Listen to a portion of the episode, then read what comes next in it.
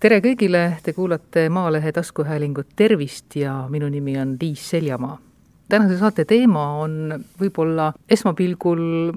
selline, et kas seal üldse inimese tervisliku seisundiga midagi pistmist on, aga teadlased seda uurivad ja on jõudnud järeldusele, et on küll. see teema on üksindus või üksildus räägin sellest Ida-Soome ülikooli psühhiaatria doktorandi Siiri-Liisi Kraaviga. Tema kaitseb oma doktoritööd just veebruarikuus ja hiljuti Soome ajakirjanduses avaldati ka üks äh, tore artikkel just nimelt sellesama uurimustöö põhjal. küsin kõigepealt seda, kuidas sa sellise teema peale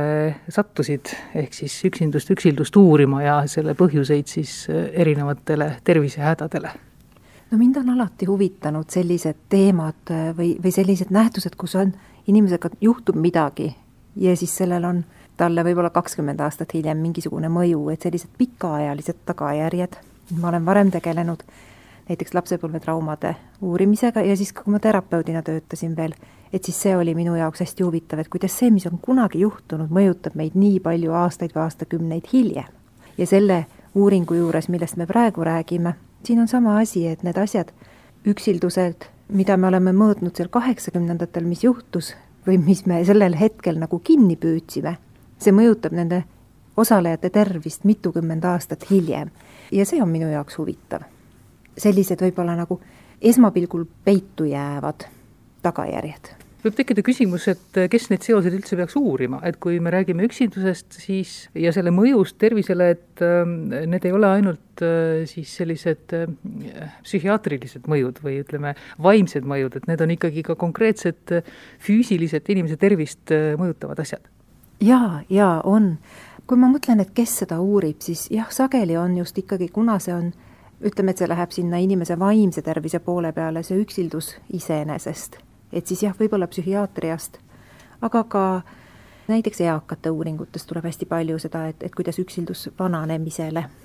mõju avaldab ja somaatika poole pealt või selle füüsilise tervise poole pealt on tõesti vähem neid uurimusi. aga lõppkokkuvõttes peaasi, et keegi uurib. et kas seal tehtakse koostööd näiteks erinevate erialade arstidega siis või et seda koostööd peaks siis tehtama?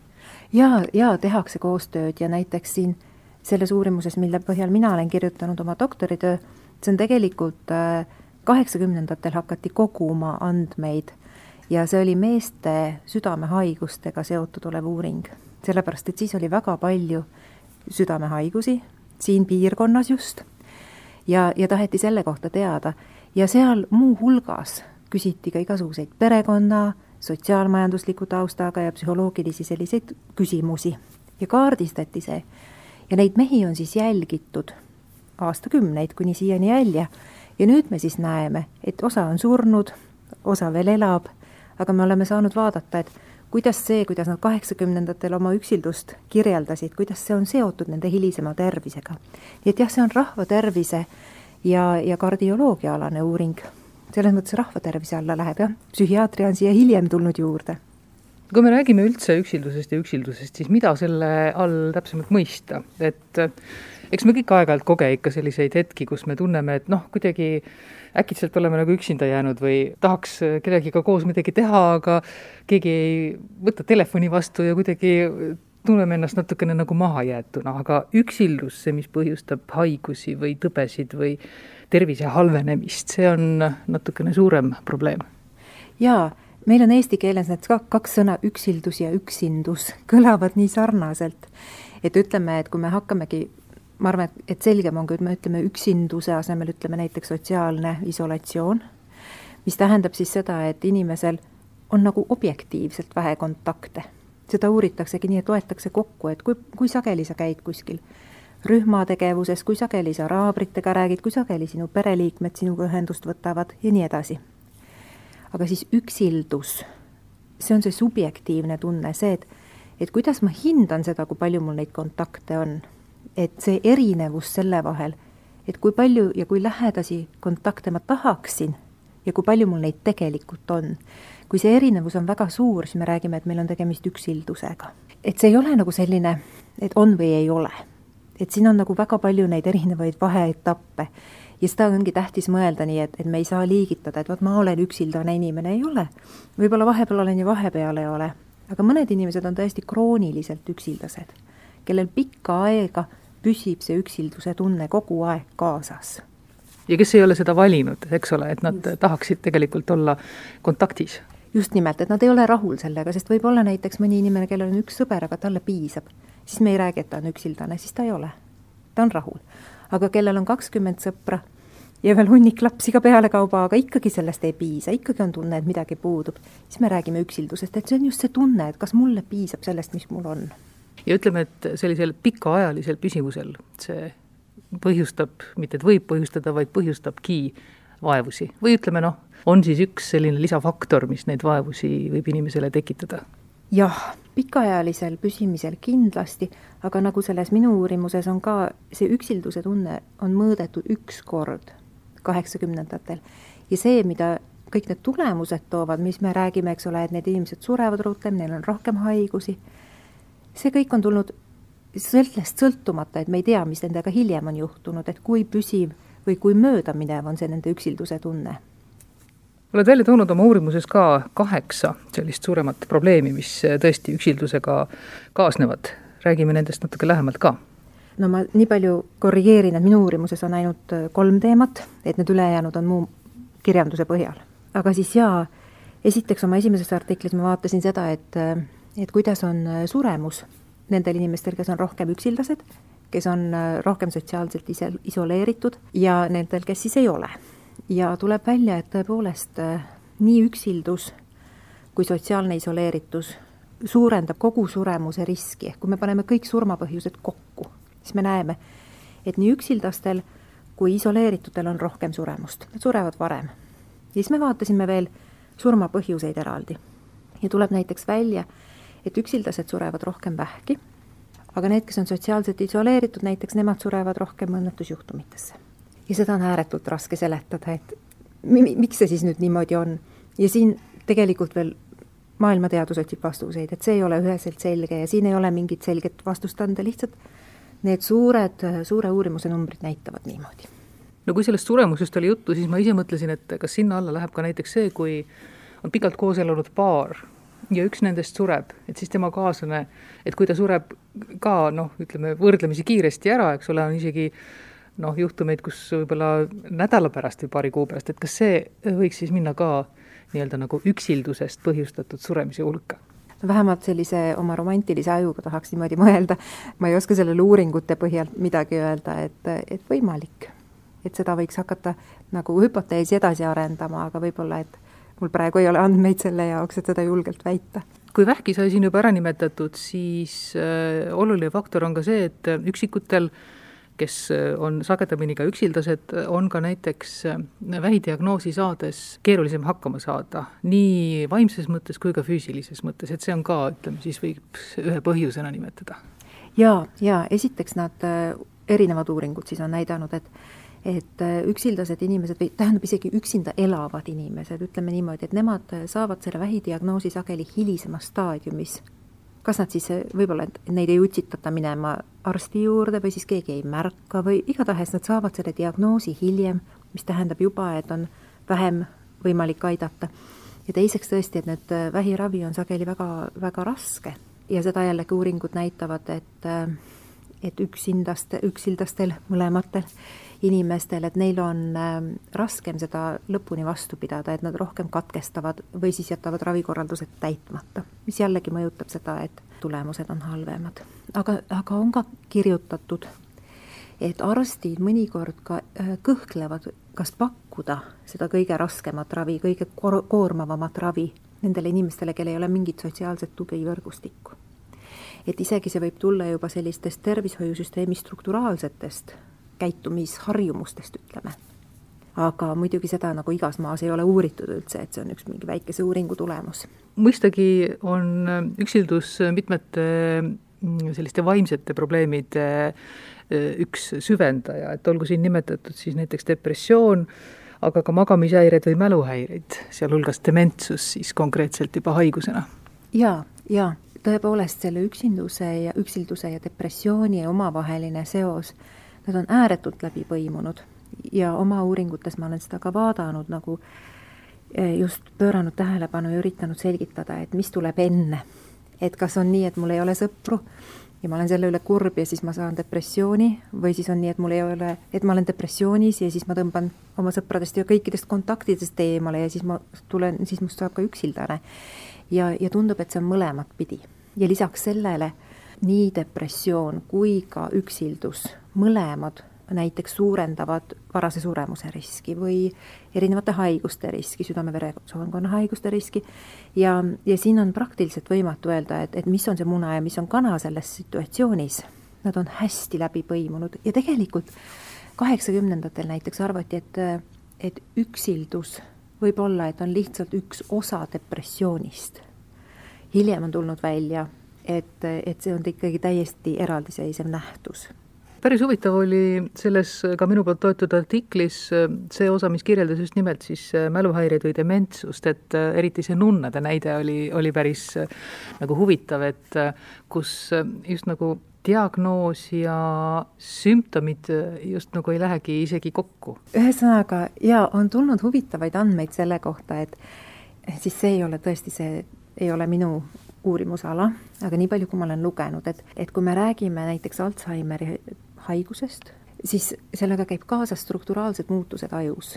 mis omakorda siis põhjustavad käitumuslikke muutusi ja igasuguseid, mida, mida siis me saame, eks ole, diagnoosi sümptomite põhjal. ja nende nunnade lahangu käigus tuli välja, et nende ajumuutused sageli viitavad juba kaugemale arenenud Alžeimeri tõvele, samal ajal kui nende käitumises veel ei olnud mitte midagi märgata. ja, ja sellele arvati siis selline eh, seletus, et, et esiteks kuna nad on nunnad, siis nad oma elus kogu aeg tegelevad jätkuva õppimisega, et nad on mentaalselt hästi aktiivsed kogu aeg. aga mitte ainult, kui nad elavad kloostris, siis see on selline huvitav ja kompleksne sotsiaalne struktuur, kus nad on kogu aeg inimestega tegemises. Ehk siis nii see sotsiaalsus kui ka siis kogu aeg selline vaimne pingutus on ära hoidnud lihtsalt seda, et need sümptomid hakkaksid avaldama muidugi, kui nad oleksid elanud kauem, siis oleks tulnud ka see dementsus ja oleks seda hakanud ka märkama. aga, aga tundub jah tõesti, et päris pikalt saab edasi lükata igasuguseid ebameeldivaid nähte, kui me elame oma elu teistega koos kloostri elu on ka võrdlemisi rutiinne, et see niisugune igapäevane rutiin ilmselt aitab ka selliste raskemate haigusnähtude avaldumist edasi lükata. Kindlasti ja, ja siis kõikide nende üksildusega seotud asjadega me jõuame kogu aeg selleni tagasi, et jah, see on üks osa, mis tundub, et mõjutab, aga seal on nii palju teisi tegureid juures, et tõesti selles kloostri elus ka sealt puudub ka alkohol, sealt puudub ka tubakas, nad söövad suhteliselt tervislikku toitu nad tõenäoliselt magavad paremini kui paljud, kes, eks ole, kasuta-, kasvatavad lapsi ja siis teevad stressirikast tööd ja nii edasi, on ju, et tõenäoliselt nad oma pika elu jooksul saavad palju rohkem korralikke unetunde. et see on terve suur pakett asju, mis kõik mõjutab. aga see, see sotsiaalne võrgustik on üks osa sellest aga magamatus ja üksildus on seotud omavahel siis ka sedakaudu, et ähm, üksildane inimene noh, ei vaata kella väga või et äh, tal võib see magamine koguni nagu ära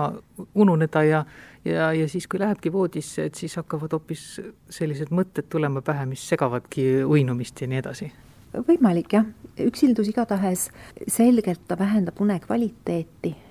ta vähendab unetunde, on rohkem uinumise häireid, unes püsimise häireid, et, et see on niimoodi. aga teiselt poolt ka, kuidas nad on jällegi omavahel nagu mõlemat pidi seotud, on see, et et need inimesed, kes on halvasti maganud, näiteks kui laboris pandi inimesed, ei lastud neil magada, eks ole, katse ajal, siis järgmine päev nad ei taha teistega suhelda, nad tõmbavad eemale. ja ma arvan, et seda on küll igaüks kogenud, et kui meil on halvasti magatud öö, siis ei viitsi minna viisakat juttu rääkima kellegagi, et siis tahaks konutada omaette ja lihtsalt vait olla südame-veresoonkonna haigusi sai siin ka nimetatud ja see on selles mõttes ka väga tõsine probleem, et südame-veresoonkonna haiguste tõttu on inimesed surnud väga varakult ja ütleme, võib-olla kõige otsesem seos siin üksildusega, nii nagu mina sellest aru saan, on see, et inimesed lihtsalt üksilduses ei pööra oma tervisele nii palju tähelepanu. toituvad valesti, ei märka võib-olla ka niisuguseid noh, ilminguid, et nende süda juba annab märku ja nii edasi. jaa, jaa, see on, eks ole, globaalselt üks suuremaid või suurim tappija südame-veresoonkonna haigused, et see on tõsine asi. jah, me, me sageli lähme siin tagasi eluviiside peale et jällegi jah, üksildus, eks ole, jällegi mõjutab, et inimesed, kes on üksildased, nad äh, söövad ebatervislikumalt, ehk siis puu- ja juurvilju tuleb vähem uuritult. teiseks, äh, nad harvem kui mitteüksildased saavad oma sellise soovitatud liikumisnormi kätte ja jällegi kõik need magamisega seotud asjad, mis samamoodi mõjutavad. aga sellest hoolimata, näiteks kui on uuritud ja vaadatud just seda üksilduse mõju äh, südame-veresoonkonna haigustele, siis see on eraldiseisev mõju. ehk samal ajal, kui on kontrollitud äh, vanus, sotsiaalmajanduslik taust, eluviisid, kõik need selle, need muud võimalikud tegurid, mis mõjutavad siis sellest hoolimata ikkagi on näha, et üksildusel on veel iseseisev mõju südame-veresoonkonna haiguste tekkele ja nendesse suremisse. nii et siiski, see on jällegi üks pisikene killukene, millega peab arvestama kas samamoodi on uuritud ka näiteks diabeedi ja üksilduse seoseid, et noh, mitmed toimimismehhanismid on ju sarnased, ütleme, haiguse progresseerumise mehhanismid? on uuritud, aga mitte nii palju kui neid teisi asju, millest me siin täna räägime, et siin võib olla tegemist sellise avaldamise kallutatusega või publication bias, et võib-olla, et on nii, et kui me oleme vaadanud seda suurtest andmestikest, et siis tundub nii, et, et siin ei ole seda seost ja sellest ei minda artikleid avaldama. ja ausalt öeldes selles meie, meie andmestikus mul on tunne, et ma ka heitsin sellele pilgu peale ja seost ei olnud ja ma ei ole sellest artiklit kirjutanud, mis võib-olla veel kunagi tuleb, aga praeguseks hetkeks on siiski kirjutamata võib-olla kõige huvitavam minu jaoks äh, selline tervisemure oli see, et kuidasmoodi keha üldiselt reageerib, kui inimene on üksildane. seal äh, läks jutt juba sellisesse väga varasesse nii-öelda nagu inimkonna ajalukku, et äh, kui üksi olev inimene praktiliselt ei saanudki hakkama, et kui ta üksinda jäi, siis ta oligi hukule määratud, et see kuidagi, meie keha hakkab kohe selle üksilduse vastu nagu kuidagi võitlema. Jaa, tegelikult see, mille vastu inimese keha hakkab võitlema, on põletik ja me räägimegi siin äh, sellisest madalaastmelisest põletikust või mõnikord seda öeldakse nagu krooniline põletik. ehk siis selline, selline põletiku tase kehas, mis ei tõsta palavikku, aga mis kogu aeg hoiab keha natukene sellises stressisituatsioonis ja kogu aeg siis, kui ta pikalt jätkub, ta ka kulutab seda keha. nii et, et jah, selle, siis see, see on jällegi üks arvamus, ega seda ei või nüüd kindlalt väita, aga öeldakse et, et sel ajal, kui inimesed elasid veel karjakaupa koos, oli nii, et kui sa jääd üksinda, siis tõenäoliselt sa saad haavata. see on, tõenäosus on lihtsalt suurem. ja samas, kui sa oled haavatud, siis tol ajal sellel ei olnud eriti palju võimalik võidelda, eks ole, antibiootikume ei olnud, steriliseerida ei saanud. mis tähendab seda, et keha pidi ise sellega hakkama saama. nii et tõepoolest, nagu sa ütlesid, juba juba ennetavalt, kui me oleme üksinda, siis me valmistume selleks, et kui ma saan haavata, ma pean selle haavaga toime tulema. mis on okei okay,, eks ole, kui sa oled koopainimene, kes jääb üheks õhtuks üksinda. aga siis, kui sa, kui sa elad sellises praeguse aja stressirohkes maailmas ja, ja tõesti mitte ainult üksildus, vaid igasugune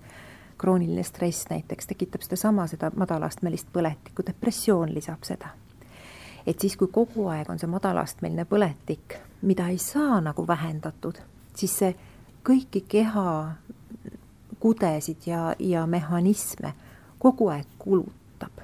ja, ja see on üks põhjus, mille kaudu on arvatud, et kõik need erinevad, väga erinevad negatiivsed mõjud, mis üksildusel on, et see,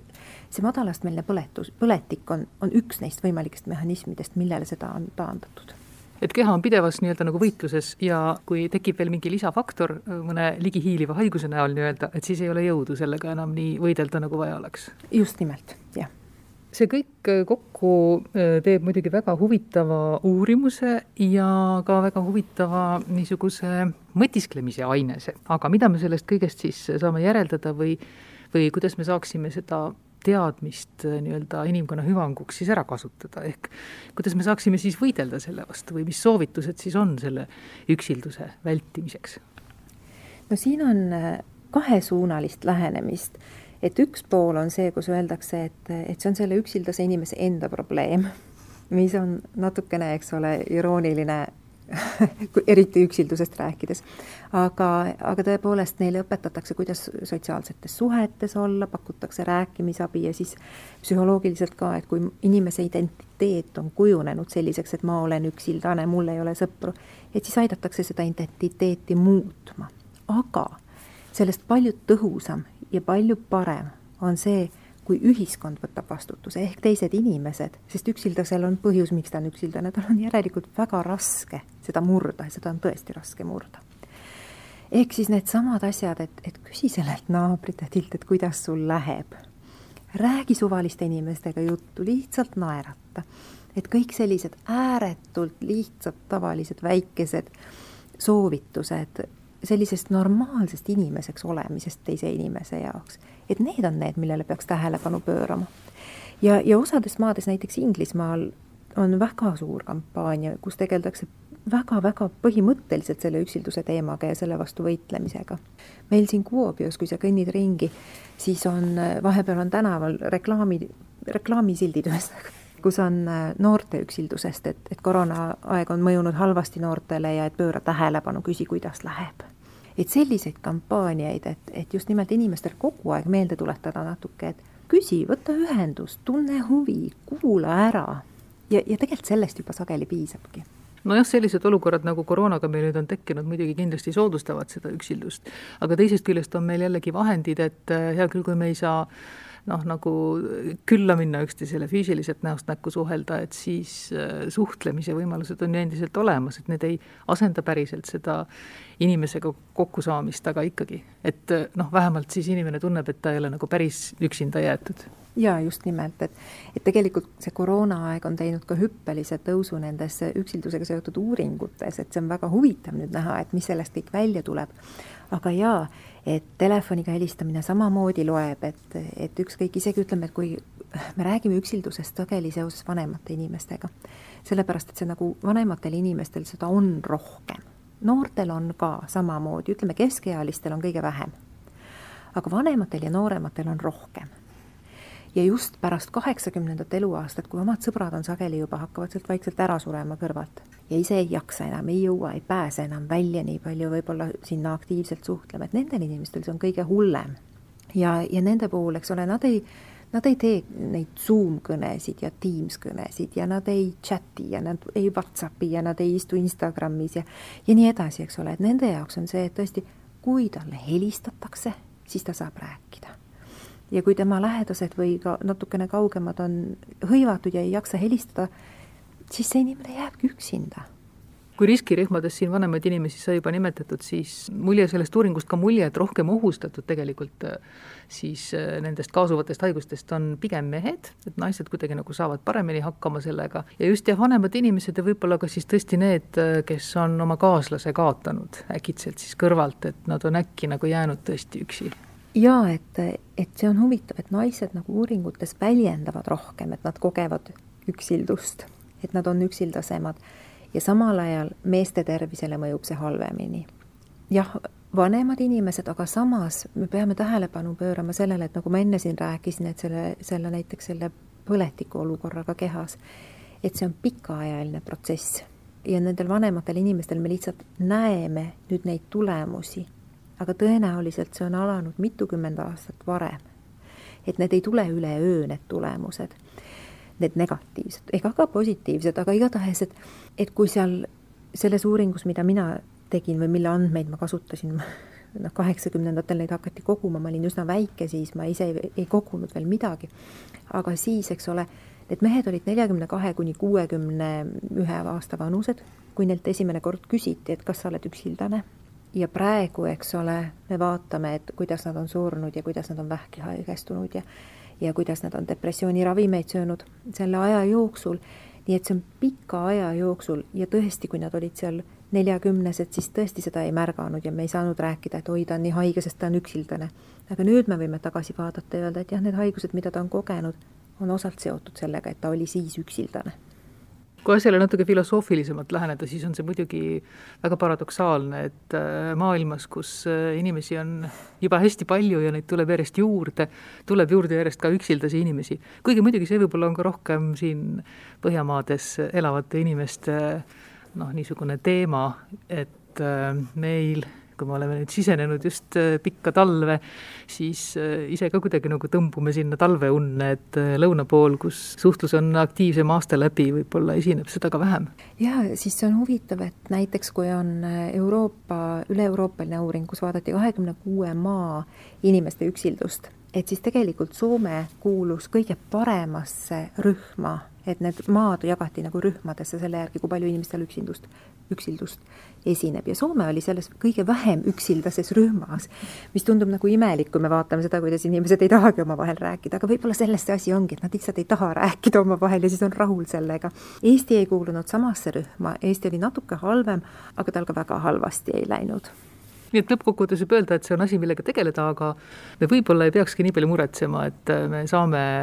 ehk võib-olla noh, kas ajaloolistel või mingitel geograafilistel või muudel niisugustel etnoloogilistel põhjustel sellega hakkama. No muretseda ei ole vaja, küll aga tasub nüüd võtta see telefon ja helistada oma eakatele sugulastele ja oma vanadele sõpradele ja, ja võtta inimestega ühendust ja olla kontaktis